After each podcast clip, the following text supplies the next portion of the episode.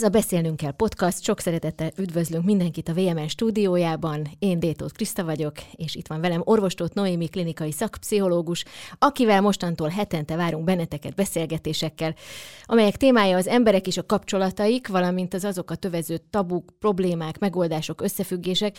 Csupa olyan témával foglalkozunk majd, amelyekről nem könnyű beszélgetni, de mégis muszáj, vagy legalábbis muszáj lenne, kimondva fontos, akár kemény és ellentmondásos mondatokat is, a modern kutatások szerint ugyanis az emberi kapcsolódásaink minőségének nagyobb szerepe van a lelki egészségünk és az életminőségünk alakulásában, mint bármi másnak, beleértve az életkorunkat és az anyagi körülményeinket is. Na, ez már engem meglepett, Noémi. Mm, hát, szervusz, Kriszta, szervusztok. Pedig milyen nagy igazság, és tényleg az elmúlt évtizedekben úgy rendeztük be az életünket, és olyan törekvéseket vettünk át, amik, amikről azt gondoltuk, hogy na, na, majd, hogyha ez meg az meg lesz, akkor majd boldogok leszünk, akkor majd jól érezzük magunkat a bőrünkben, sikert hajszoltunk, vagyont hajszoltunk, élményeket hajszoltunk, utazásokat hajszoltunk, és aztán nagyon sokan találták magukat sok-sok ilyen hajszolás után ott, hogy mm, oké, oké, ez most mind megvolt, de valahogy mégsem jó az életem, mégsem érzem azt a megelégedettséget, valami hiányzik. És akkor, amikor körülnéztek, akkor rájöttek, hogy ja igen, hát az igazán jelentőségteljes kapcsolatok azok, azok kimaradtak, pont azok a dolgok, amik, amik értékessé és értelmessé tehetik az életünket. És az egyik dolog, amit még hajszolunk, az a, az a bizonyos nagy, utánozhatatlan és megismételhetetlen boldogság, amit egy nagy, utánozhatatlan és megismételhetetlen kapcsolatban vélünk majd, vagy remélünk megtalálni, ami aztán majd holtomiglan, holtáiglan tart. Ugye ez egy olyan illúzió, amit már egészen kicsi korunk óta kapunk a mesékből, aztán tinédzser korunkban a tini drámákból, aztán a regényekből, a filmekből, a, és mindenhonnan, mindenhonnan, a dalokból, és folytathatnánk. Úgyhogy bele is csapunk a kellős közepébe, mert hogy a mai első epizódban az egyik leginkább megosztott témáról, a monogámiáról lesz szó. Mm. Hát nem könnyű. Ugye a, a szó maga görög eredetű, a monosz, azaz az egyes, és a gamos, vagyis a nász házasság szavakból tevődik össze, és hát a ma nyugati keresztény többségi kultúrájában ez az egyetlen legitim alapja a házasságoknak legalábbis a mi hitrendszerünk szerint, meg a berendezkedésünk, keretrendszerünk szerint, csak hogy a házasság intézménye már több ezer éves. És ez az intézmény a több ezer év alatt, mint minden intézmény és minden szabályrendszer és hitrendszer, rengeteg változáson megy keresztül. Arról nem is beszélve, hogy mi mennyi változáson megyünk keresztül, mint emberek. Úgyhogy szerintem induljunk ki először a házasság intézményének fogalmából, meg, meg változásából, hogy mennyiben jelent ma mást a házasság fogalma és az intézmény, mint mondjuk akár pár száz évvel ezelőtt is, mert ez a rengeteg változásnak a nagy része az elmúlt pár száz évben következett be. Így van. Ha az elvárás oldalról nézzük, hogy miért is házasodtak régen az emberek. Régen azt gondolták, hogy azért házasodnak, illetve ez volt a mindenki számára elfogadott indok, hogy legyen valaki, akivel egy gazdasági közösséget is alkotnak, akivel együtt vállalnak gyerekeket, és ezeknek a gyerekeknek a felnevelését együtt viszik. De hogy a fő cél az utódnemzés és a gazdasági közösség volt. Tehát valami fajta biztosíték arra, hogy el tudjuk majd tartani azokat a gyerekeket, hogy el tudjuk tartani magunkat, a, a betevő falatért együtt tudunk küzdeni. Hát ezt lássuk be őszintén, ez egy elég ö, könnyedén, vagy sokkal könnyebben kivitelezhető ö, feladat, hogy azt mondjuk, hogy igen, akkor most mi itt együtt munkálkodunk. És aztán, ahogy, ahogy telt múlt az idő, egyre több és több elvárást igyekeztünk beleszuszakolni ebbe az egy darab intézménybe, miközben érdekes módon még egy nagyon komoly változás történt, amire, amiben ma nagyon kevesen, vagy ritkán gondolunk bele, amikor éppen ilyen házassági problémánk van, hogy időközben a, az élettartam mennyiben megváltozott. Hogy amíg régen egy 40 éves ember már aggastyánnak számított, ma azt mondjuk, hogy 40, ugyan már, hát na, még mennyi minden van előtte, még, még a, ugye az, a, mostanában ugye a 40 az új 30, és a gyebek ezzel is jelezik ja, azt, igen. hogy még annyi minden vár ránk az életben, még annyi lehetőségünk van.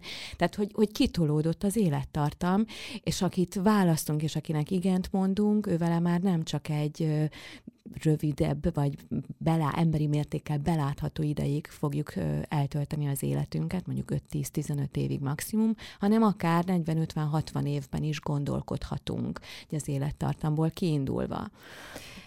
És közben, hogy mondom, nagyon sok elvárás még belekerült ebbe a nagy csomagba. A legizgalmasabb nekem egy paciensem volt, aki azt mondta, hogy Hát az a, az a baj a házasságával, és ő azért gondolkodik röpke 30 év házasság után azon, hogy megszakítja ezt a kapcsolatot, mert hogy a párjával nem tud spirituálisan együtt fejlődni. Mm. Na most ez is benne van már egyfajta elvárás csomagban. Igen, ez olyan, hogy, a, hogy a, ahogy így mondod, igazából a, a Maslow piramisnak a, a szükséglet piramis jut mhm. eszembe, tehát a Maslow szükséglet piramis jut eszembe erről, hogy, hogy annak idején, amikor gazdasági közösségről szólt inkább, a túlélésről szólt, a közös túlélésről, a közös termelésről, és a többi a, a házasság, akkor az a Maslow piramisnak egy nagyon alsó szintje, szintjén fogalmazódott meg. Most ez a, ez a fajta spiritualitás, az önmegvalósítás, az értékválasztás, a többi, az már a csúcsa ennek a piramisnak, tehát hogy följebb lépkedett így van. a házasságnak az intézménye ezen a bizonyos piramison. És ez, és ez, ez terheket rak az intézményre, nem? Hát, hogy minél több elvárás nehezedik a partnerre, minél több elvárásunk van a házasság, vagy párkapcsolata, a házasság intézményével, vagy párkapcsolattal szemben, annál több buktató is felüti a fejét, ez értelemszerűen így van.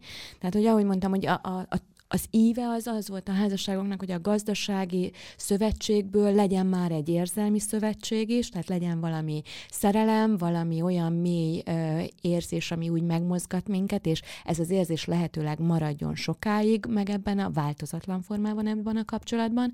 Aztán hozzáadódott a szexualitás, hogy legyen jó a szex, ugye a 60-as évek végétől kezdődően ö, már a nők is jogot formáltak arra, hogy igenis szeretnék megélni a maguk szexualitását a, a párkapcsolaton belül, és szeretnék, hogyha az egy ilyen kielégítő élmény lenne, az valami izgalmat hozna. Itt megint ugye hozza az izgalmat, és lehetőleg változatlan formában hosszú-hosszú éveken keresztül hozza ezt, és aztán újabban kap, be, bejött ez a, ez, a, ez a spirituális igény is a házasságba, illetve az az igény, hogy a másik mellett én valahogy találjam meg a legjobb oldalamat, hogy az identitásomnak egy olyan oldalát ö, hangosítsa fel, vagy hozza ki belőlem, ami addig rejtve volt, szóval, hogy a legjobb énemnek a kimunkálásában segítsen a másik. Na most, hogyha ezt így csak az újunkon Elfáradok abba, hogy mondod. Hogy de, de, de ezt is ad, azt is ad, azt is ad, tudod. Egy idő után, na hát óhatatlanul valami fajta konfliktus helyzettel találjuk magunkat szemben. Szerinted hogy érkezünk meg ma a házasságba? Mennyire vagyunk készen rá? Felteszünk-e magunknak minden kérdést, amit föl kell magunknak tenni? Egyáltalán milyen kérdéseket lenne érdemes magunknak föltenni, mielőtt belelépünk? És most nem, már nem csak a házasságról, hanem mondjuk egy elkötelezett, elköteleződő, hosszú távú, hosszú távra tervezett kapcsolatról beszélünk. Mm-hmm. Hát, beszéljünk megint az ideális esetről. Az ideális mhm. eset az lenne, hogyha kellő önismeret birtokában választanánk társat.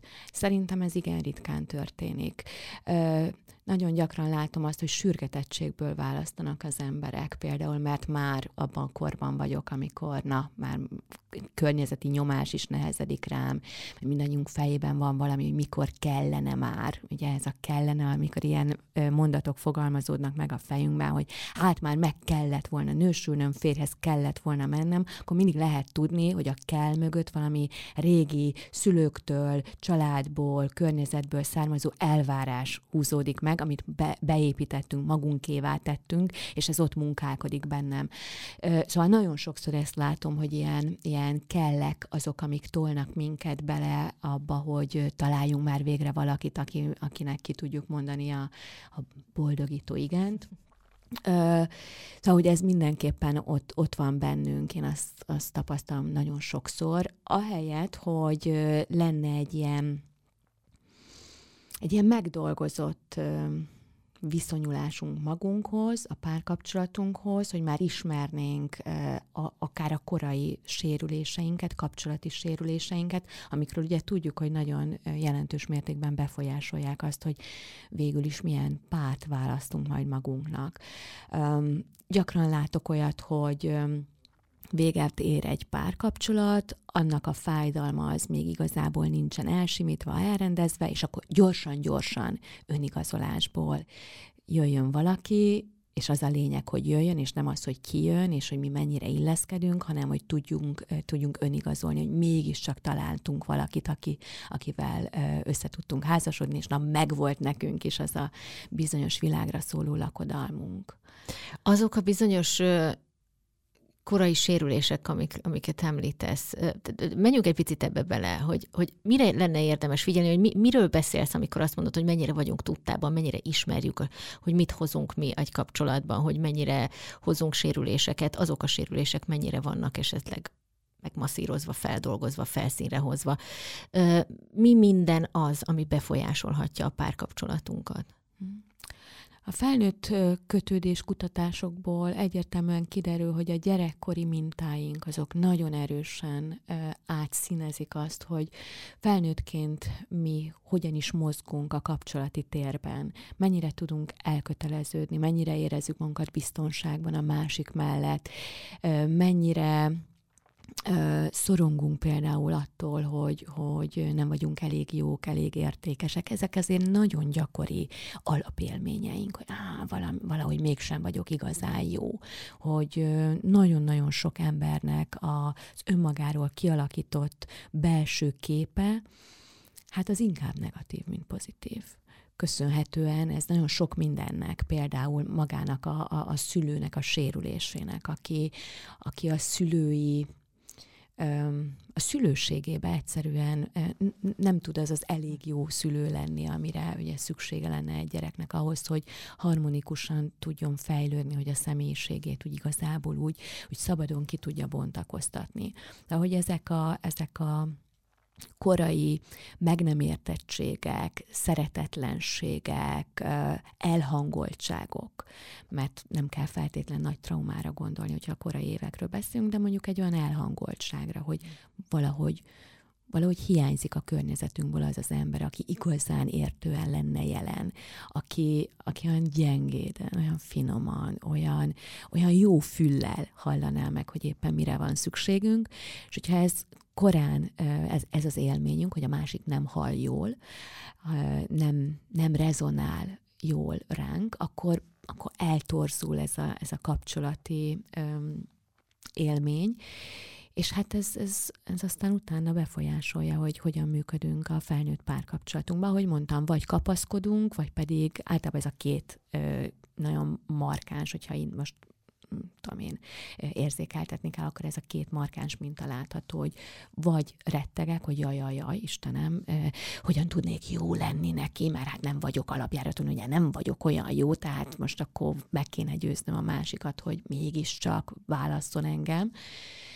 Vagy pedig azt mondom, hogy mm, igazából ez a kapcsolat nem is, nem is olyan fontos eleme az én életemnek, és akkor itt távol tartom magam a mély intimitásra. Ez nem jelenti azt feltétlenül, hogy nem nincs párkapcsolatom, csak úgy azt a réteget már, ami olyan mélyen fekvő, azt már úgy nem érintem, hanem úgy éljük az életünket, hogy így így telnek a hétköznapok, abban lehet, hogy nagyon jók is vagyunk, de aztán ezekben a helyzetekben mindig jön az életben egy pont, amikor ezt nem lehet megúszni, nem lehet csak a felszínen működtetni a kapcsolatot, és akkor bizony kiderül, hogy ja, hát rettegünk attól, hogyha nagyon mélyre kell menni.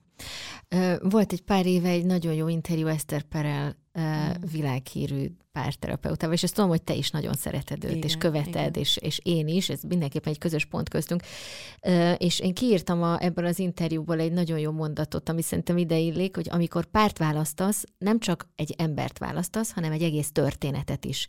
És egyszer csak egy olyan drámában találod magad, amelynek egyik főszerepére sem készültél, pályáztál igazából. Mm. És akkor a narratívák összecsapnak. Tehát, hogy mi, ez az a bizonyos, hogy mi mindent viszel egy házasságba, és mi mindent kapsz, mert nem csak azt az embert viszel, kapod, hanem egy csomó mellékszereplőt még. Meg, meg ugye, igen, szóval, hogy kapod a történetet, mert mire ő megérkezik hozzád, az ő kapcsolati működésének, tehát ahogy én szok, azt szoktam mondani, hogy a forgatókönyvnek, a párkapcsolat forgatókönyvnek lényegi elemei már azelőtt megíródnak, mielőtt te találkoznál azzal a másik emberre. Te is megírtad a sajátodét, és ő is megírta Igen. a sajátját. Ez, ez azért ijesztőnek hangzik. Tehát, hogyha arra gondolsz, most bocsánat, de hogyha, hogyha be, belemész, tehát, hogy igazából készen meg vagytok írva. A kérdés az, hogy egy készen megírt művel te mit tudsz még tenni. Hát mondjuk feltárni, hogy miről szól az a mű. Ugye? Mert hogy a poén az, hogy megvan írva ez a mű, csak éppen nem olvastuk. Igen. Ja, tudod, hogy, hogy nem olvastuk a sajátunkét, és nem tudjuk olvasni a másikét. És ebből vannak a problémák. Egyébként van ez a mondás, hogy amikor két ember összeházasodik, akkor igazából hatan költöznek össze. Aha. Mert hogy mindenki hozza az anyjának a történetét, az apjának a történetét, hozza azt a hatást, ahogyan ő rá az anyja hatott, ahogyan rá az apja hatott, és ezek így összeadódnak, és hát ebben a, gondolj bele, hogy azt gondoljuk, hogy hát itt most ketten éldegélünk egy fedél alatt, és közben dehogy is, hát elképesztő sok erő feszül egymásnak, hogyha ezt most így megnézed, hogy hat ember hogyan hat egymásra. Tehát az már egy egész nagy káosz és kavalkát tud lenni, ha nem tudod, hogy mi, mi is történik benned, és nem vagy, nem tanultad meg olvasni a másik reakciója mögötti ö, ö, okokat, hanem azt mondod, hogy aha, most itt a felszínen maradunk, mert miért oda tetted azt a bögrét, miért nem úgy válaszoltál nekem, és mindig a saját nézőpontodból ö, tekintesz rá a kapcsolatra, ahelyett, hogy azt mondanád, hogy aha, ahhoz, hogy jól legyünk egymással, folyamatosan mozogni kell a lélektani térben én ezt mindig elmondom a pácienseimnek, és ezt kvázi tanítom nekik, hogy jó, most már értem, már te már láttad ezt a történetet a saját szemszögedből, akkor most legyél kedves átmenni a másik oldalra, és onnan is ránézni. Most helyezkedj bele a párodnak a, az életébe, és gondold végig. Egészen egyszerűen csak, hogy ő fel kell reggel és akkor képzeld el, hogy te vagy ő, és felkelsz reggel, és elmész a munkahelyre, ott neki milyen lehet, ők, őt milyen hatások érhetik, milyen bántások, milyen frusztrációk, milyen, milyen csökkent értékűségi érzésekkel küzd, milyen bizonytalanságokat kurcibál ő magában. Mert ugye ezeket általában nem látjuk a másikban. Csak az, nekem, nekem, hogy fáj, nekem ez mennyire rosszul esik, de hogy mondjuk neki milyen fájdalmat tudok én okozni, én hol nyomom meg az ő érzékeny pontját, arra ritkán nyitunk, vagy, vagy ahhoz, ahhoz kell a tudatosság, hogy arra is nyitva legyünk, hogy aha, értem, hát persze. És amikor mondjuk a terápiában te egy ilyenfajta nézőpontváltást javasolsz, akkor arra milyen reakciókat kapsz? Hát változó. Hát nyilván, de hogy milyen, milyen jellemző reakciók vannak erre? Öm, hát gyakran van egy ilyen, de nem, nem, nem, nem. Én, én mindig figyelek rá is. És akkor kiderül, hogy, hogy oké, okay, akkor most mondd el, hogy szerinted ő ebben és ebben a helyzetben hogy érezhette magát. És kiderül, hogy nincs róla fogalma. Vagy például ezt, e, ez hogy szokott kiderülni? Eljátszunk egy kicsit ilyen, ilyen pszichodrámás elemeket behozva mondjuk a terápiás térbe, és azt mondom, jó, akkor most ülj ebbe a székbe, és, és te vagy ő és kezdj el úgy beszélni, mintha ő lennél. És ott már, már ö, akad a nyelv, mert nem tudja azt mondani, hogy én, nem tudom, én mondjuk egy női páciens, hogy nem tudom én, én Péter vagyok, 42 éves, mondjuk aki a férje. Hát már kimondani se tudja. Már kimondani se tudja, nem hogy beleérezni magát az ő helyzetébe. És akkor ez egy ilyen nagy felismerés szokott lenni, hogy hoppá, tényleg, nehéz nehéz. Miközben szükséges ezt újra és újra megtenni ahhoz, hogy azokat az elhangolódásokat, amik minden kapcsolatban természetszerűen megjelennek. Egy anyagyerek kapcsolatban sincs állandó, teljes összehangoltság. A legjobb anya sem tud mindig pontosan rezonálni a gyerekére. Ezért mondta Vinikot, elég jó anya legyél, nem kell több. Az elég jó anya az a, annak az a fő ismérve, hogy ha elhangolódik, ő vissza tud uh-huh. hangolódni. Mert megvan benne a szándék, a törekvés, a vágy arra, hogyha egy picit is más felé jár ő lelkileg, akkor visszacsatornázódjon a gyerekéhez. És ezt az analógiát lehet használni mondjuk egy párkapcsolatban, hogy legyél elég jó társa a társadnak? Abszolút, természetesen. És sőt, azt gondolom, hogy ha így vágunk bele, hogy hát persze, hogy nem leszek mindig tökéletes te se leszel nekem mindig tökéletes, de vállalom azt, hogy törekedni fogok arra, hogy újra és újra kinyissam magam neked. Ez szerintem a legtöbb, amit egymásnak adhatunk. Hát igen, hogyha ketten lennénk a világban, de a világban nem ketten vagyunk, sőt olyannyira össze vagyunk kötve a világgal, hogy gyakorlatilag ébredéstől elalvásig benne vagyunk egy elképesztő ilyen impulzus vortexben, folyamatosan információkkal vagyunk körülvéve, folyamatosan benyomásokkal, más emberek, tények, érzések, hangulatok, stb.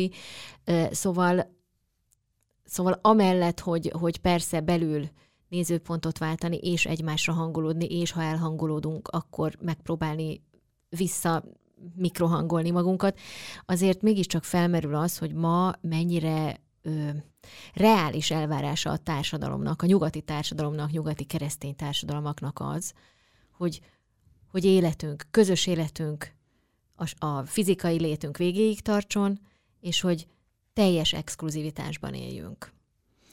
Hát, hogy mennyire reális elvárás, azt mondjuk látjuk abból, hogy mi történik. Nem?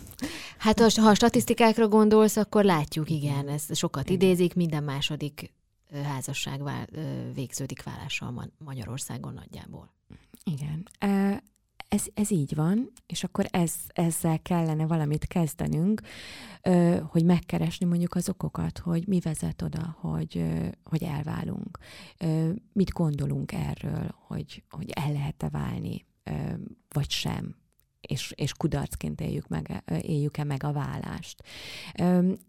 Soha ilyen mértékben nem volt képlékeny a házasságnak az intézménye, mint most. És, és azt gondolom, hogy most ilyen nagy kategórikus kijelentéseket tenni, az szerintem felelőtlenség, mert éppen egy ilyen nagy átalakulásban inkább figyelnünk kellene, hogy mi történik, miért az történik, mi mozgatja az embereket, milyen szükségleteik vannak, mi az, ami reálisan vállalható, ki hogyan van ezzel, inkább én erre tenném a hangsúlyt, mint hogy azt mondani, hogy igen, holt a miglan, holt a diglan, és ez az egyetlen követendő. Azért most meg, bocsánat csak, mert ugye elképzelem a, ezt a modernizált ö, házastársi esküt, hogy így ilyen szép hosszan ö, így elmondjuk, hogy ahelyett, hogy azok a nagyon szép, magasztos mondatok hangoznának el, mint amelyek ma elhangoznak a az oltár előtt, vagy pedig a házassági anyakönyv, tehát az anyakönyvezető előtt, hogy, hogy ezt így igen, de közben azért figyelünk arra, hogy, és akkor majd, tehát hogy,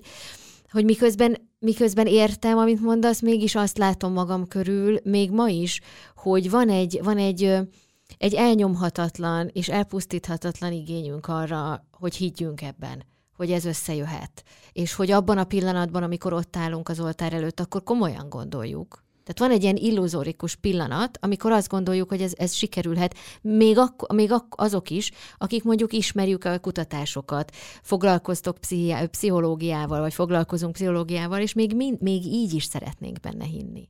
Ezt a hitet, ezt, ezt miért tartjuk ennyire szorosan magunknál? Az emberek szüksége van illúziókra, hogyha megnézed, azért tele van az életünk ilyen illúziókkal és ebből nagyon sok belső és külső félreértés is származik, mert azt mondom, hogy már pedig a házasságnak ilyennek és ilyennek kell lenni, és bonthatatlan szövetségnek, és, és akkor ez egy ilyen ö, nagy terhet ró az emberre, hogy, hogy ö, hogy ezt vigye, és vigye köröm szakadtáig, és, és nagyon gyakran látom azt, hogy azért, mert ez, a, ez az illúzió hatja át a, a, az egész képet, az ember megvakul és megsüketül arra, hogy észlelje a problémákat vagy nehézségeket a saját párkapcsolatába. Velünk ez nem történhet meg, ugye? Nagyon sokszor ezt uh, hallom, nem hittem, hogy ez velünk is megtörténik, és aztán kiderül a történetből, hogy ja, egyébként 15 éve nincs közöttük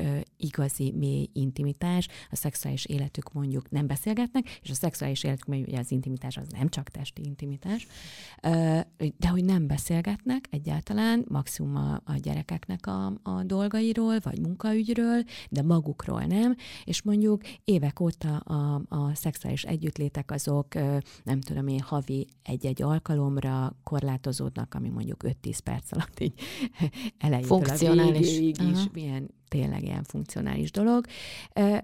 És akkor így elcsodálkozom, hogy hát és mi történt az elmúlt években, hogy hogy nem vették ezt észre, hogy hogy nem volt erre egy érzékeny radar. Hát azért nem, mert ez, a, ez az illúzió, ez mindent lefedett, hogy, hogy ez, ez itt nem történhet meg. De belemennénk még, belemennénk-e még házasságban most, 2021-ben, akkor, ha az illúzió nem, fe, nem ülne rajta. Tehát, hogy ha, ha, ha, ha nem segítene nekünk hinni ez a bizonyos illúzió. Tehát kell hogy, kell, hogy legyen az emberben egy optimizmus, hogy képes lesz vinni a dolgokat, de hogy sokkal ö, észszerűbb lenne szerintem, hogyha ha az illúzió az arról szólna, hogy tudunk majd egymásra figyelni, tudunk egymásra jól figyelni, megértjük a saját és a másik szükségleteit, és hogyha nehézség adódik, akkor közös erővel mi valahogy megtaláljuk majd a kiutat ebből a helyzetből. Ez lehetne egy ugyanolyan, ugyanolyan ö, ilyen, ilyen, nem tudom én, szép kép, amit, amit magunk elé vetítünk, ahelyett, hogy hát itt aztán örök élet három napig kizárólag boldog napjaink lesznek, soha semmiféle konfliktusunk nem lesz, és itt aztán, ahogy a házassági, nem tudom én, papírt aláírtuk, innentől kezdve mindenkit kizártunk az életünkből, és, és senkiben nem férkőzhet ebbe a keretrendszerbe. Megnéztem egy TED előadást, mielőtt jöttem ma, és ez egy amerikai párterapeuta, Tammy Nelson előadása. Ott elhangzott az a az a ö, statisztika, hogy az amerikai tanulmányok szerint az ottani házaspárok 45-55 százaléka legalább egyszer meginog, mármint ugye a megcsalás tekintetében, hogy megtetszik neki valaki, vagy, vagy akár el is csábul.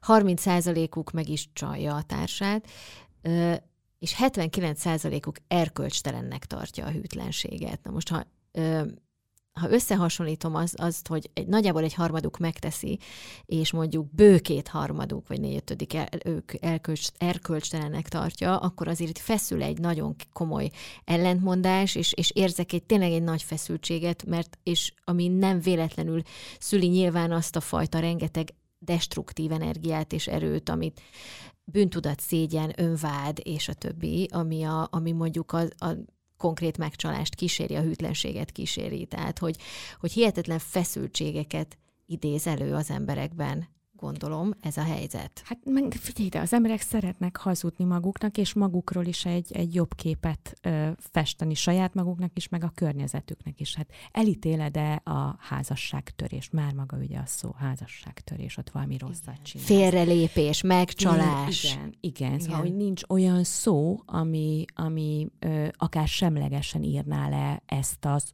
ezt a cselekedetet. Ugye? Nem van benne mindegyiknek egy ilyen nagyon pejoratív csengése, és, ö, ö, és hát persze, hogy erre azt mondod, hogy na, náhogy elítélem, tényleg szörnyű ilyenek. Csináltál már, olyat volt már, hogy megkísérted? Mm-mm. Egyébként Ez nagyon egy érdekes, hogy igen, de nagyon érdekes, és ide be kell szúrjak egy másik, egy másik előadást, amiben meg nem, talán lehet, hogy ez, ez is ő volt, de a lényeg az egy másik szám, hogy a, az embereknek hány százaléka vallja be, mert ugye maga az egész... Az hát egész, ez a másik kérdés. Na, tehát, hogy a már a kutatásokat se, se lehet rendesen hát elvégezni, persze. mert hogy már maga a megcsalás ténye, a félrelépés ténye egyfajta ilyen hazugság és integritás problémát, hát, kognitív diszonanciát, és még egy csomó mindent idéz elő az emberben. nő és férfi között, hogy felvállalja, vagy nem vállalja fel. Tényleg? Mi a különbség? Hát a, hát a, a nők általában ugye lefelé módosítják a számokat. Hogy Ez érted ezt, hát, hogy... Hát, hogy hány partnerrel ja, van értem, értem. szexuális Aha. aktusa az életében, akkor a nő inkább kevesebbet mond, a férfiak hajlamosak többet mondani, hát ez még mindig ott van, hogy na hát, na, a férfi, egyébként megbocsátóbb is volt a társadalom hosszú-hosszú évszázadokon keresztül a férfiaknak a hűtlenségével kapcsolatosan. Ez egy teljesen elfogadott dolog volt, nem is talán nem is kapták meg ezt a címkét, hogy hűtlenek, hanem nekik voltak barátnőjék, jártak a, a hivatalosan erre a célra fenntartott bordélyházakba, és azt a feleségek tűrték, ha nem is örültek neki, de még az is lehet, hogy azt mondták, hogy na jó, akkor igen, menjél. Uh, más a megítélés a, a, környezetnek, a társadalomnak, hogyha férfi teszi ugyanazt a cselekedetet, mint hogyha nő. És ezt mi tudjuk, és uh, attól függően, hogy férfiak vagy nők vagyunk, uh, módosítjuk. Alkalmazkodunk ehhez. Igen. Érdekes egyébként, nyilván te is hallod, mindenki hallja azt, hogy a férfiakban természetes a vadász ösztön, az a bizonyos vadász ösztön, amivel egy ilyen jól lehet relativizálni ezeket a dolgokat, miközben uh, ugye a, a, a vadászó gyűjtögető társadalmakban pont nem a... Tehát, hogy, hogy, hogy ott, hogy, hogy az, az állatvilágban is ugye 90%-a az állatoknak nem monogám kapcsolatban él, úgymond, tehát nem monogámul működik. Igen, ezt így keressük, és a vadászó társadalomban sem úgy az volt az, az ahogy gondoljuk.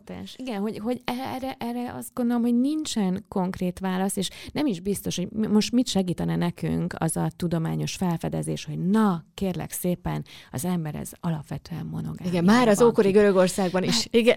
Okay, Vagy a, és akkor már az ősközösségben egy, is. Egy, cefetű rossz házasságban, ahol, ahol nem kapom meg azt, amire vágyom például, most az nekem mit segít, ez a, ez a felismerés, hogy már pedig, már pedig monogámnak kell lenni. De hogy ezek ilyen mm, a kutatási eredményekkel mindig azt mondom, hogy jó, ezek nagyon jók, ezek a statisztikai adatok, de hogy nagyon távol esnek a itt és most a való saját élethelyzetettől. Mert hogy a, a, ha már akkor félrelépés, akkor nevezzük így, a félrelépéseknek, vagy a párkapcsolaton kívüli ö, érzelmi vagy szexuális ö, kapcsolódásoknak a keresése mögött számtalan motiváció húzódhat.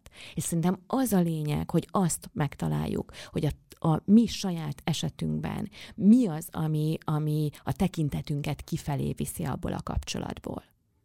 Na, ez tök jó, hogy ezt fölhozod, mert ebben a TED előadásban elmesélte ez a párterapeuta, hogy ő regisztrált az Ashley Madison ra aki nem tudja, hogy esetleg mi ez, ez házas embereknek a kitalált a félrelépős oldal azoknak a házas embereknek, akik szeretnének valamilyen szintű afférba bocsátkozni, ez egy online felület, és igazából a 2010-es éveknek az első felében volt rendkívül nagy felfutása, egészen addig, míg 2015-ben föl nem törték, és ki nem rakták az internetre azt, hogy a nem tudom milyen kormányzótól kezdve a különböző sztárokig ki mindenki regisztrált rá. Ha jól tudom, még mindig működik, minden esetre nagyon érdekes, hogy, hogy az Ashley Madisonra regisztrált ez a bizonyos előadó férfiként is, és nőként is és nem rakott fotót, férfiként csak odaírt egy nevet, és azt, hogy magas, nőként azt, hogy szőke. És várta, hogy mik lesznek a visszajelzések, és állítak 24 órán belül elkezdtek özönleni hozzá a, mind a két profilra a, a bejelentkezések, és a legnagyobb meglepetésére a férfiak, akik a nőnek írtak, a, a női profilra írtak, leginkább hosszú távú szeretői viszonyt kerestek, amely nem csak a szexről szól, hanem a beszélgetésről, az ismerkedésről, a, tulajdonképpen valamiféle kötődés kialakításáról, míg a női profilra, bocsánat, a férfi profilra érkező női bejelentkezések legtöbbször jellemzően szexuális kielégülésről és alkalmi kapcsolatokról szóltak. Uh-huh. És ez jól felül is ír egy csomó sztereotípiát. Arról, hogy mire van, ki, mi hiányzik a nőnek, és mi hiányzik a férfinek. Vagy éppen azt mutatja meg, hogy mit gondolunk, hogy mit vár el tőlünk a másik. Ugye, amikor egy nő azt mondja, hogy hát én csak egy futó kapcsolatot szeretnék, abba is benne vagyok, engem csak a szex érdekel, és, és nem, a, nem vágyom mély elköteleződésre, akkor ez nem biztos, hogy az én tényleges igényem, nem lehet, hogy azt gondolom, hogy a férfiak erre vevők. Aha, és akkor megpróbálom ezt. Aha. Aha, és akkor megpróbálom kiszolgálni az ő igényüket. Míg a férfi pedig azt mondja, hogy hát a nők szerintem intimitásra vágynak, akkor adom nekik azt, ami azért ezeken az oldalakon nagyon fontos ö, szerepe van annak, hogy mit gondolunk arról, hogy a másik mit keres. Aha, hát Mert eladjuk magunkat. Pro... Így, vagy hát igen. felkínáljuk magunkat, igen. van, de ez természetes, szóval, hogy azért azt ne gondoljuk, hogy ez egy ilyen megáltalkodott, gonosz ö, motivációból ered, hanem mindannyian próbáljuk magunkat úgy prezentálni, hogy a másik, akinek tetszeni akarunk, az, az, az annak az érdeklődése felkeltődjön. Ezzel nincs baj. De nincs, és azért tök érdekes, hogy ezt mondod, és ez abszolút logikus, bele se gondoltam ebben a szempontrendszerben, de teljesen logikus. Ugyanakkor viszont én látok olyan velem egykorú, középkorú sághoz közelítő férfi embert, akinek igenis hiányzik az, hogy az asszonyjal otthon tehát, hogy mindenféle kötődés alapú dolgokat csináljon, tehát nem csak a szex hiányzik neki a kapcsolatból, hanem a, a, a, az értő figyelem, az odafigyelés, stb. És viszont vannak barátnőim, akiknek meg jobban hiányzik a szex a házastársi kapcsolatukban, mint a férjüknek. Tehát, hogy azért... Hát hiányból nagyon sokféle lehet, de én mindig azt szoktam mondani, hogy igen, én értem, akkor megvan a párkap a pár egyik tagja panaszkodik mondjuk az intimitás hiányra, rám senki nem figyel, ne, hazamegyek és nem kérdezik meg, hogy mi van velem, és akkor óhatatlanul felmerül a kérdés, oké, te megkérdezted? hogy a te hiányod mellett van-e helye a másik hiányának, mert azért ezek a hiányok nagyon szépen így kiegészítik egymást. és, és ez, ezt érdekes megvizsgálni egy, egy párkapcsolatban, azon túl, hogy persze meghallgatjuk az egyik felet, de tegyük oda a másik félnek a, a történetét is.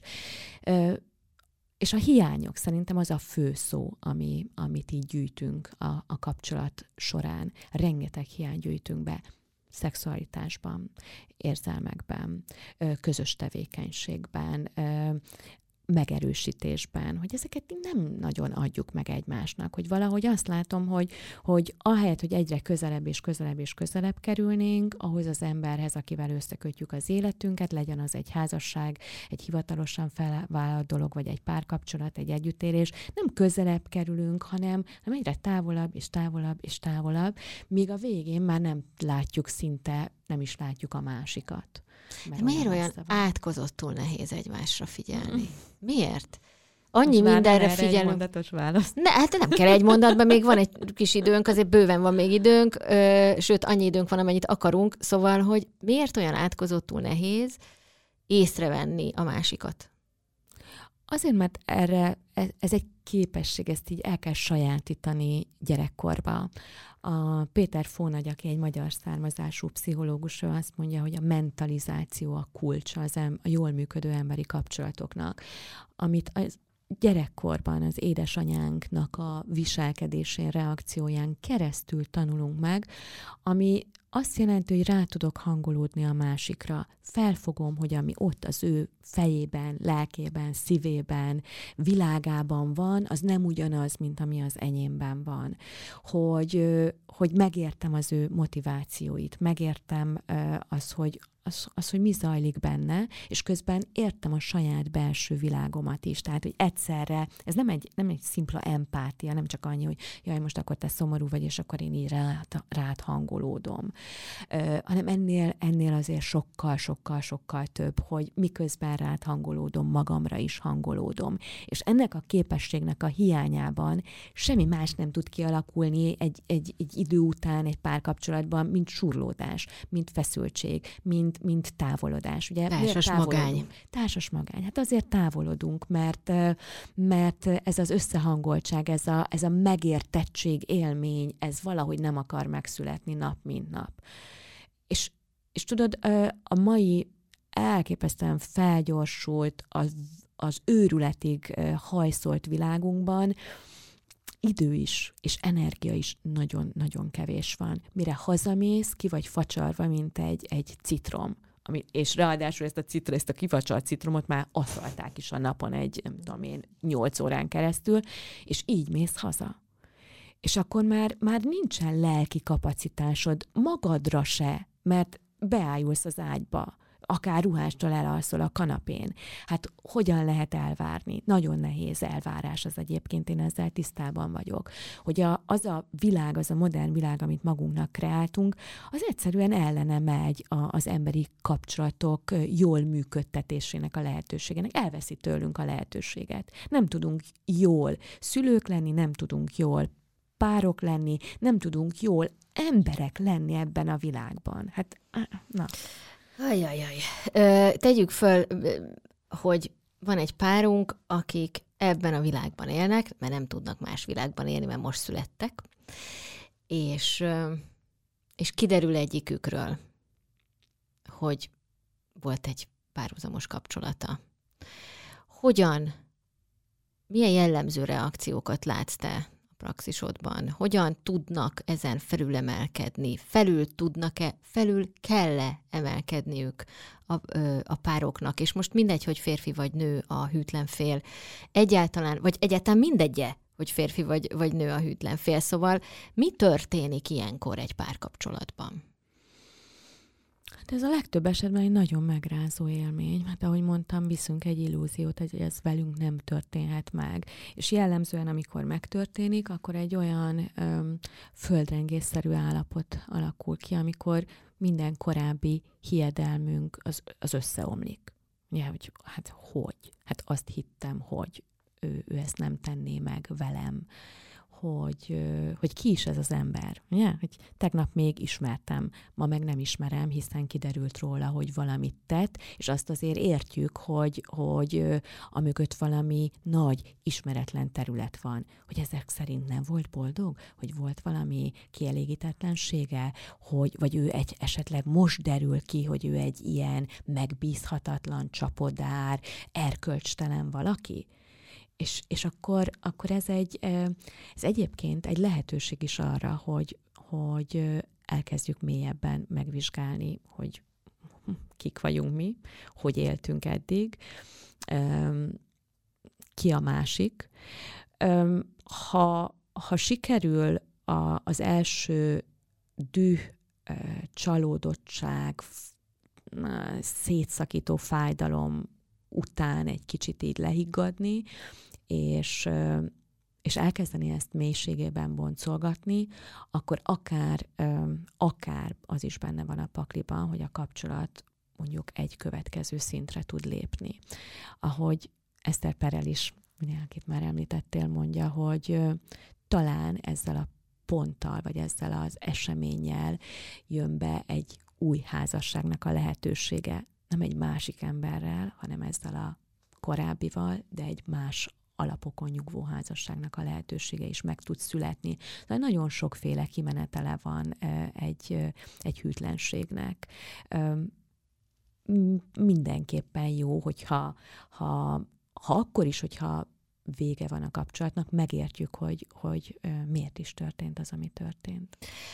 Um, mennyire, mitől függ az, hogy valaki a düh és fájdalom szakaszán át tud-e jutni? Vagy hogy mennyi idő, vagy, vagy beleragad? Mhm.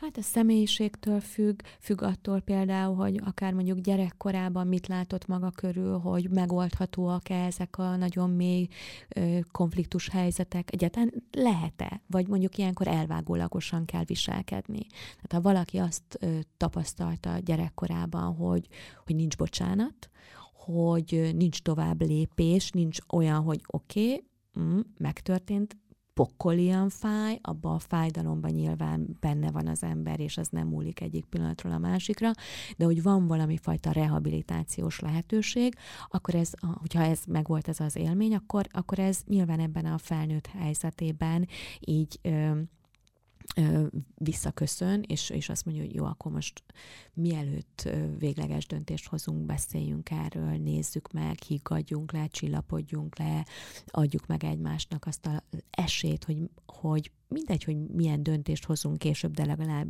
kezdjük el megérteni, hogy, hogy együtt hogyan jutottunk el idáig, mert azért ezt mindenképpen jó, hogyha kimondjuk, hogy, hogy együtt jutunk el akkor is, hogyha csak az egyik fél ö, játszik aktív szerepet mondjuk a, a félrelépésben, akkor is együtt jutunk el a hűtlenségig. Biztos te is hallottál olyat már hozzád fordulóktól, hogy nekem ez az affér mentette meg a házasságomat. Hogy az, hogy volt az életemben egy másik nő, vagy egy másik férfi, az segített túlélni az otthoni helyzetet. Ennek a jelenségnek mi van a hátterében? Hát igen, ugye van ez a mondás, hogy egy jó szerető a legjobb házasságot is tönkre tudja tenni, így idézőjelbe tesszük a tönkre tudját, vagy a legrosszabb házasságot is meg tudja menteni. Ahogy az, hogy, hogy a harmadik, amikor belép a kapcsolatba, az a ebben a diádikus kapcsolatban, tehát a párnak az életében milyen változást hoz, az előre nagyon nem lehet tudni. Mert lehet, hogy mondjuk elvezet feszültségeket, és akkor valahogy vihetőbbé válik az otthoni nehéz időszak. Lehet, hogy inspirál annyira, hogy hogy valahogy elkezded magad egy olyan oldalról megélni, ami, amit eddig, eddig nem éltél meg, vagy már nagyon régen volt, és aztán ezt az energiát be tudod csatornázni a párkapcsolatodba. Erre is van millió példa. És arra is, hogy ez a ez a kinti kapcsolat világít rá arra, hogy mennyi minden hiányzik otthon, mennyire ö, elidegenedtetek egymástól, vagy mennyire nem voltatok soha ö, igazán egymásra hangolva, és akkor azt mondod, hogy aha, végre van valaki, aki mellett újra élek. Ugye ez a legtöbb ilyen ö, párkapcsolaton kívüli ö, élménynek így a, a, a magélménye, hogy megint úgy érzem, hogy élek hogy ú, olyan, olyan visszatértek a színek a világba, olyan ruganyosabbak a lépteim, olyan, mm, egyszerűen úgy most olyan, na hát jó, tudom, hogy annyi minden van itt, meg Covid, meg gazdasági válság. Ja, de hát annyira jó reggel a tükörben nézni. Szóval, hogy... Hm. Jó, és akkor miért maradunk mégis sokszor? Ó, hát ennek is ezernyi oka van.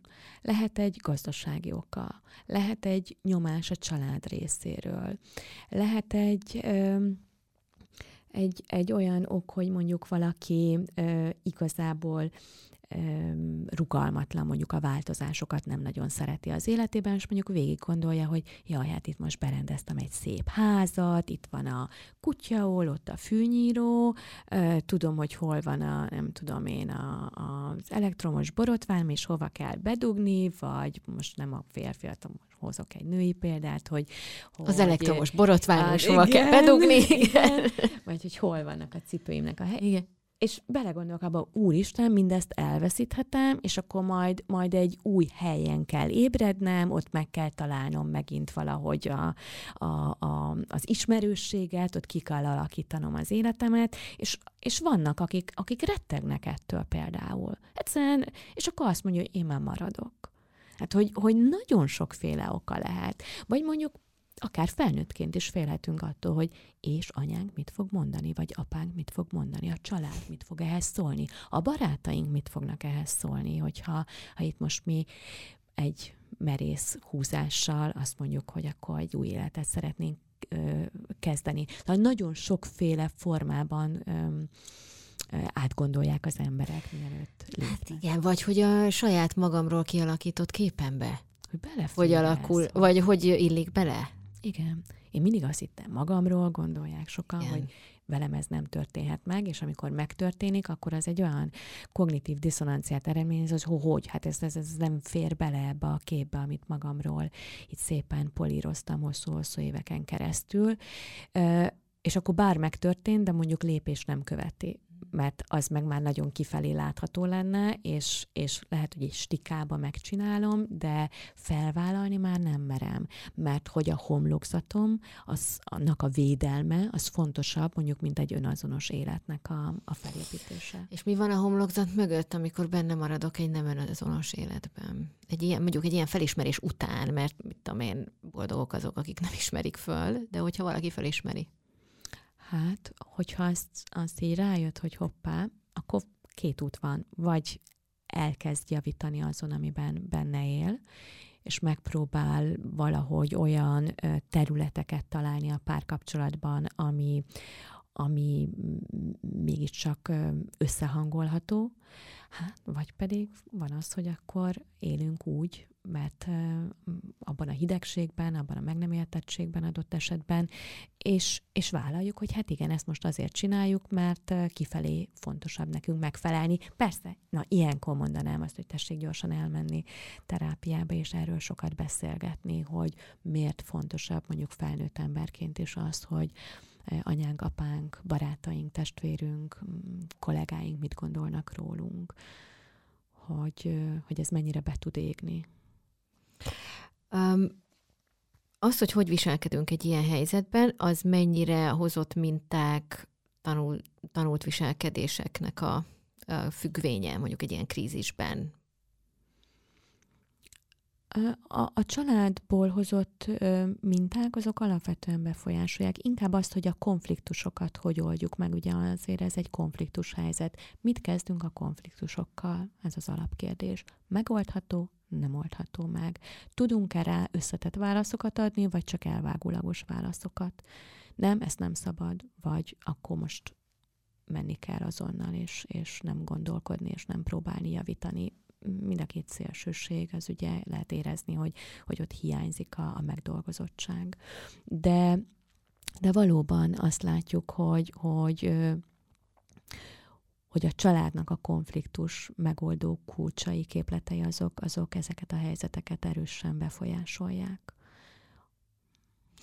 A, még itt a végén a, szeretnék egy kicsit beszélni azokról a párkapcsolati formákról, amelyek ma még, mondhatom-e, hogy még nem tudom, de minden esetre ma mindenképpen kisebbséget képviselnek, ezek a, ezek a non-monogám vagy nem monogám kapcsolatok, amelyek kölcsönösen nem monogámok, és mondjuk megegyezéses alapúak, etikus, nem monogám kapcsolatoknak hívják ezeket. Milyen formái vannak ennek, illetve te mennyire látod mondjuk a mai időhöz és társadalomhoz és, és életformánkhoz passzolónak ezeket a kapcsolati formákat? Hát számtalan forma lehetséges. Ugye ezek arról szólnak, hogy akkor legyünk egy picit tudatosabbak a kapcsolatunkba, és mondjuk ezek a non monogám, megállapodáson alapuló nem monogám kapcsolatok, ezek ugye az ö, lehetnek, szólhatnak arról, hogy oké, okay, mi együtt vagyunk, viszont szexuális szabadságot adunk egymásnak. Itt is nagyon sokféle megállapodás létezhet. Beszélünk róla, vagy nem beszélünk róla. Oké, okay, rendben van, mehetsz, csak nem mond, mert nem akarom tudni. Intézd ezt anélkül, hogy engem informálnál róla, és majd én is úgy fogom ezt intézni. Vagy azt mondjuk, hogy oké, okay, mi most itt együtt élünk, de hogy, hogy lehetünk szerelmesek másba is. Ugye itt a kérdés az, hogy ki tudjuk-e mondani, tudunk-e erről beszélni, és az egy kölcsönös, mind a két fél által elfogadott megállapodás-e. Itt azt látjuk, ugye főleg nyugati kutatási eredményekből, mert azért nálunk ez, ez ha van is kevéssé felvállaltan jelenik meg, és hát a nagy kutatási anyagok azok, azok nyugatról származnak, tipikusan az amerikai minták azok, amik segítenek nekünk, nem tudom, valami fajta kis iránymutatást így adnak arra vonatkozóan, hogy ezek a kapcsolatok hogyan is működnek. És azt látják a, a kutatók, hogy itt nagyon fontos az, hogy, hogy beszélnek, hogy sokkal többet beszélnek arról, hogy éppen ö, ö, mi a megállapodásuknak a lényege. Míg, míg egy hagyományos ö, monogámnak hitt és gondolt kapcsolatba úgy lépnek bele az emberek, hogy kevés esetben beszélnek arról, hogy te figyelj ide, számomra a megcsalás az ott kezdődik, hogy. Miközben ez egy nagyon fontos dolog lenne, hogy erről beszéljünk. Megcsalás-e az, az egyik félnek, ami a másiknak nem az. Szóval, hogy ez valahogy, hogy ha elküldök egy kedves SMS-t, vagy egy ilyen, nem tudom én, csókos szájas kis üzenetet, az már megcsalás? Mert az egyiknek igen, a másiknak meg lehet, hogy egyáltalán nem. És ez jó, hogyha össze van fésülve, és hogy közben meg, azt se felejtsük el, hogy ahogy, ahogy megy előre az idő, és változunk, és újabb és újabb ö, korokba lépünk, élethelyzetekbe lépünk, ezeket újra kell tárgyalni. Na most ez nem egy egyszerű dolog, mert ugye olyan dolgot tudok újra tárgyalni nagyobb sikerrel, ami, amire nagyon nagy rálátásom van. Miközben ezek az érzelmi történetek, ezek nagyrészt tudattalanul zajlanak. Lehet, hogy én itt a felszínen azt mondom, hogy aha, ebbe bele tudok menni, ezzel egyet tudok érteni, és aztán amikor meg a helyzetben benne vagyok, akkor meg a Isten, jaj, nem, na ez, ez, ez, ez így néz ki érzelmileg? Nem, ezt nem akarom. Uh-huh. Na, hogy, hogy nekem ez mindig egy ilyen nagy kérdés, hogy, hogy tényleg világosan lát, átlátjuk-e azt a, azokat a szerződéses pontokat, amikben megállapodunk? Tényleg tudjuk, hogy mire bólintunk rá, vagy sem? Amiket én tapasztaltam így a saját praxisomban, nyilván ez nem egy ilyen tudományos kutatási eredmény, de azt látom, hogy amikor arról volt szó, hogy mondjuk poliamória, és akkor engedjük meg egymásnak azt, hogy másokhoz is kötődjünk, másokba is legyünk szerelmesek, akkor mondjuk aki az én praxis, vagy akik az én praxisomban megfordultak, ők azt mondták, hogy oké, okay, persze legyen, megengedik ezt, és amikor megtörtént, akkor pedig rettenetesen megviselte őket, és általában a kapcsolatnak a végét is jelentette. Mm. Akár például ez, hogy érzelmileg kezdett a párjuk máshoz is kötődni, és mást is beengedni az életébe, akár mondjuk volt olyan, akik, akik mondjuk együtt vállalták azt, hogy, hogy ők a szexuális szabadságnak egy olyan fokát valósítják meg, amikor másokkal is élhetnek szexuális életet, de csak akkor, hogyha jelen van a másik fél is. Tehát, hogy ez, ez egy ilyen megalapodás volt, hogy ők, ők barátokkal, vagy swinger klubba megélik a, a szexualitást mással. És működött, működött, működött egy ideig, és akkor eljött egy pont, amikor amikor, amikor azt érezte az egyik fél, hogy e, egy bizonyos vizuális ö, ö, élmény hatására. hatására, hogy hoppá, tehát ott valószínűleg rálátott arra, hogy a, a párja és a másik ember között valami olyan dolog történik, amiből ő kimarad, amiből, amit ő soha nem élt meg, és arra már azt mondta, hogy ez egy olyan fájdalmat jelentett neki, hogy kész, ő, ő nem is tudott ö, ö, ebből, ebből kikecmeregni, és ez a kapcsolatnak a végét jelentette. Tehát akkor mégiscsak Ebből lehet nem, benne. Nem, nem, nem, nem, nem, nem menő jó, konklúziókat, okay. ez két eset De volt, amit én így végig Értem, abszolút, meg tényleg vannak erre ö, példák, funkcionáló példák is, a poliamor kapcsolatokra is, a swinger kapcsolatokra is, a nyitott házasságokra is, de tény, hogy az emberben mindig felmerül az, hogy lehetséges-e, hogy kikapcsoljuk magunkból az igényt erre az illúzióra, amiről itt az elején beszéltünk. Arra, hogy egy valaki tényleg csak hozzám tartozik, és nem osztozni rajta, sem érzelmileg, sem testileg, sehogy máshogy. Ö, nézd, szerintem a, a birtok viszonyt kellene kikapcsolni. Tehát, hogy a másik attól, hogy mondjuk a párom, vagy a házastársam nem az enyém.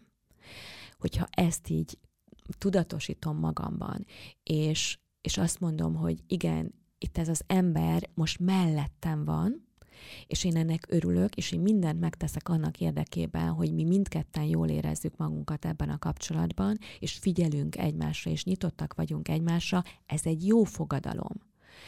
De közben tudatosítani kell, hogy nem lettél az enyém. Hát, hogy attól, hogy azt mondom, hogy férjem, feleségem, barátnőm, barátom, párom, a, attól nem az enyém, nem ő egy másik ember, aki, aki változik, akivel történnek dolgok, ahogy velem is történnek dolgok, és hogyha azt meg tudom ígérni, hogy nyitottan lekövetem ezeket a változásokat, az, az már egy, egy, egy jó dolog. A, az emberből kiradírozni, kiműteni a kapcsolódási vágyat, igényt, azt soha nem fogjuk tudni, legalábbis a tudomány mai állása szerint. Tehát, hogy az, hogy akarunk kapcsolatban létezni, hogy akarunk valakit, aki, ahogy szoktuk mondani, az életünk tanúja legyen, az nem kérdés szerintem. Ö, aztán lehet, hogy ez egy ilyen, tudom én, sorozatos monogámiákban fog megvalósulni, hogy a fiatal éveimet egy valaki követi végig, és, és lesz tanulja, és aztán utána a későbbi évei, éveimet meg valaki más. Hát most ezt látjuk egyébként, hogy ez a leginkább gyakori együttélési mintázat, vagy egy párkapcsolati történet mondjuk egy ember élete során, amit úgy hívunk, hogy sorozatos monogámiáknak a története. De hogy kapcsolódni mindig akarunk, az biztos. Hogy hogyan csináljuk, így is, úgy is, és próbálkozva. Hát ebben a témában van még legalább egy epizód, úgyhogy szerintem vissza fogunk rá térni. Én nagyon köszönöm, hogy itt voltál. Hogy érezted magad? Jól éreztem magam, köszönöm szépen. Köszi Kemény szépen. Téma volt. Kemény téma volt, és mondom, még folytatni fogjuk. Jövő héten egy másik témával jövünk.